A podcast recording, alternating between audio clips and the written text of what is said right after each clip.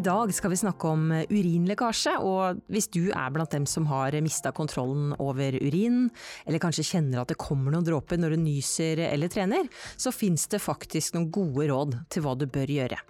Du hører på Ingenting er flaut, en podkast som forhåpentligvis kan hjelpe deg med både små og store helseplager. I studio sitter farmasøytene Maren Hoff og Eirik Rustan fra Apotek 1. Og denne gang tenkte jeg at vi kanskje skulle snu litt på det, eh, og begynne med det som vi pleier å avslutte med, nemlig mytene. Eh, Eirik, er du klar for en myte? Ja, ja. ja. Du, stemmer det at urinlekkasje bare rammer de som er eldre? Nei. Nei, Nei. det stemmer ikke. Eh, det er faktisk ganske mange unge som opplever urinlekkasjer.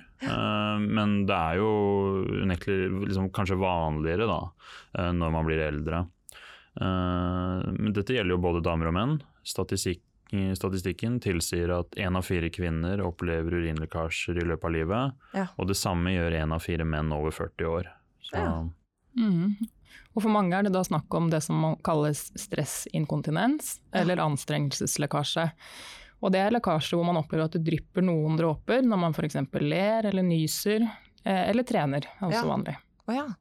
Og da veit jeg at, eh, at, dere har noen helt konkrete råd eh, å komme med. Men eh, Maren, jeg er litt opptatt av å ta disse mytene, mytene først. Mm -hmm. eh, neste myte, urinlekkasje kommer av at man ikke er ofte nok på do. Ja, det er nok mange som tror det. Eh, men det viser seg at så mange som 30% av tilfellene skyldes det som kalles overaktiv blære. Ja. Og det kommer faktisk av at man går på do for ofte.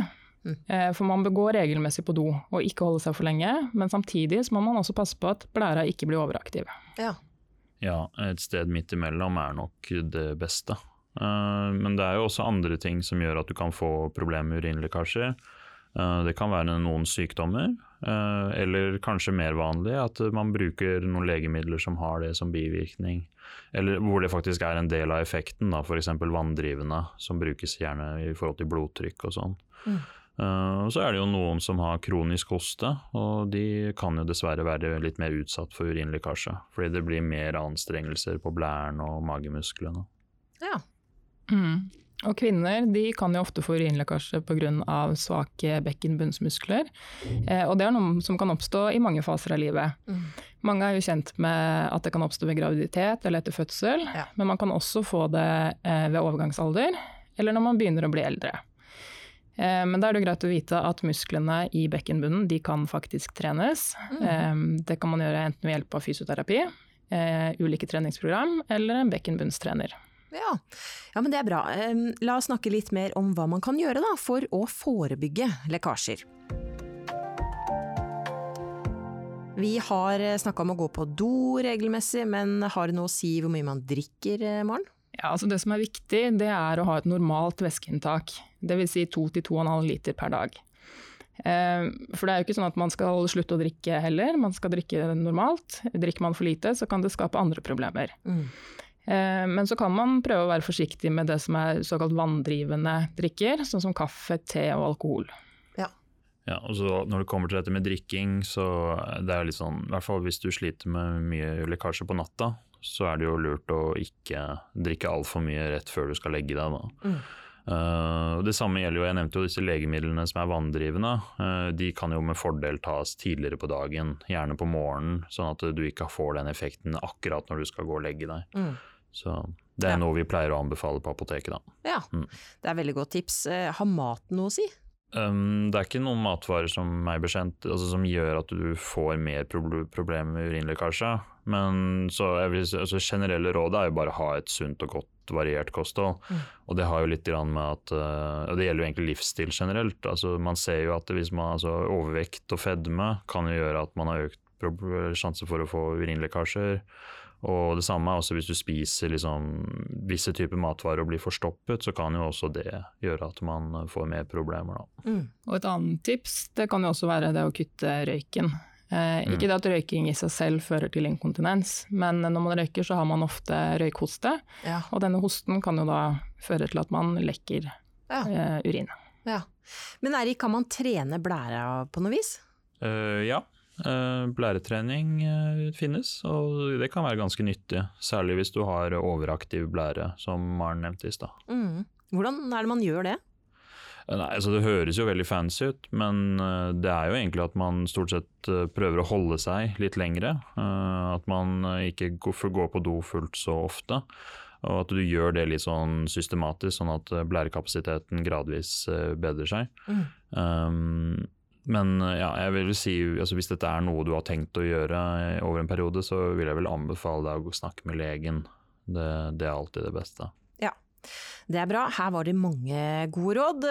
Vi går videre til hvilke hjelpemidler som finnes for deg som opplever lekkasjer.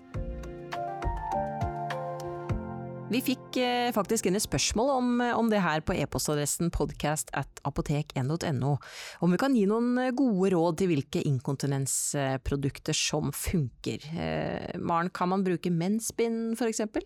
Det er et spørsmål som vi får ganske ofte. Ja. Eh, og det er faktisk ikke anbefalt å bruke mensbind ved urinlekkasjer. Å nei, hvorfor ikke? Nei, Det handler om både mengde og om lukt. For selv om bindene ser ganske like ut, så har de hver sine oppgaver. Ja. Et menstruasjonsbind det vil ikke kunne fange opp mer enn rundt en teskje med urin. Eh, og hvis det skulle komme mer urin enn dette, så kan bindet faktisk gå i oppløsning. Ja, det er jo ikke veldig ålreit. Nei, det er litt kjedelig. Også I tillegg så hemmer da eh, de eh, inkontinensbindene lukten som kommer med urin. Mm. Eh, disse bindene de er også fylt med et stoff som absorberer væske, som gjør at bindet hele tiden føles tørt. Mm. Ja, men det er bra. Eh, la oss si at det kommer en, en kunde til apoteket og spør etter eh, lekkasjebind, Eirik. Hvordan vet han eller hun hva de skal velge? Um, nei, altså Ja, når det kommer kunder til oss på apoteket, så ofte så går de liksom bort og ser litt på produkter i hylla. Og mm. så, men så blir det jo til at de eh, tar kontakt med oss da, som jobber der, og så sammen begynner vi å finne ut uh, kanskje hva man, uh, hva man, trenger da. Mm. Mm. Ja, apoteket de, de, gjør jo da en kartlegging for å se hva behovet er. Mm. Eh, da spør man om ting som om hvor ofte det er lekkasjer, om det er mye av gangen, om det er mest på natten eller på dagen. Mm.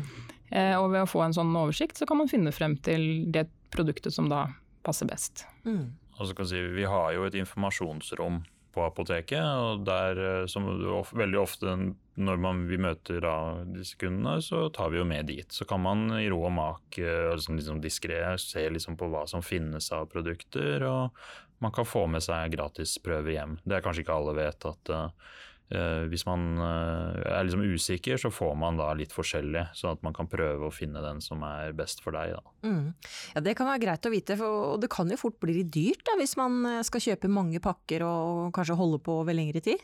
Ja, det, det, kan fort bli noen kroner. Så, men det er jo slik at inkontinensprodukter kan jo dekkes på blå resept. Ja. Eh, så hvis du har liksom et kronisk problem, så bør man alltid snakke med legen. For da kan mm. man få dekket ganske mye av det, da. Mm. Eller alt, hvis du har frikort. Ja. Mm. Og det finnes jo også andre hjelpemidler som eh, kan dekkes på blå resept. Så da har man f.eks. det som kalles for kladder, som er stol- eller sengebeskyttelse. Ja. Eh, men det finnes også ulike hudpleieprodukter eh, som dekkes på blå resept hvis man har utfordringer med inkontinens. Mm. Ja, og så kan jeg jo nevne for oss kara, så er det jo også egne innlegg for oss da, som er liksom uh, tilpassa ja, vår anatomiske utforming. Ja. ja, men det er bra. Eh, hvor hemma blir man når man bruker sånne her eh, produkter, da?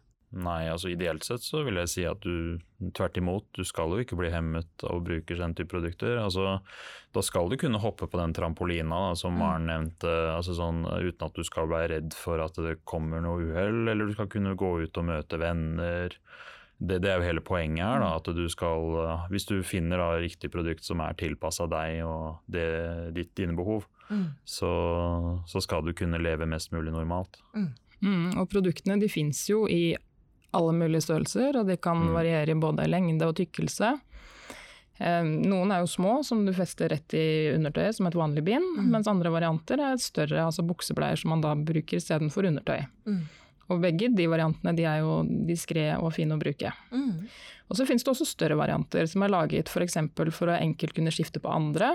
Um, hvis de er sengeliggende. Så, så det fins noe for stort sett alle. Ja, Så bra. Nei, det var veldig godt eh, å høre. Jeg tenker vi avslutter der, ja. Takk til eh, Maren og Eirik eh, i studio, og takk til deg som hørte på. Husk at du alltid kan stikke innom et av våre 450 apotek, eller chatte med farmasøyter på apotek1.no. Og har du spørsmål til oss, så send det gjerne inn. E-postadressen er podcast at apotek1.no. Og her er ingenting flaut å snakke om.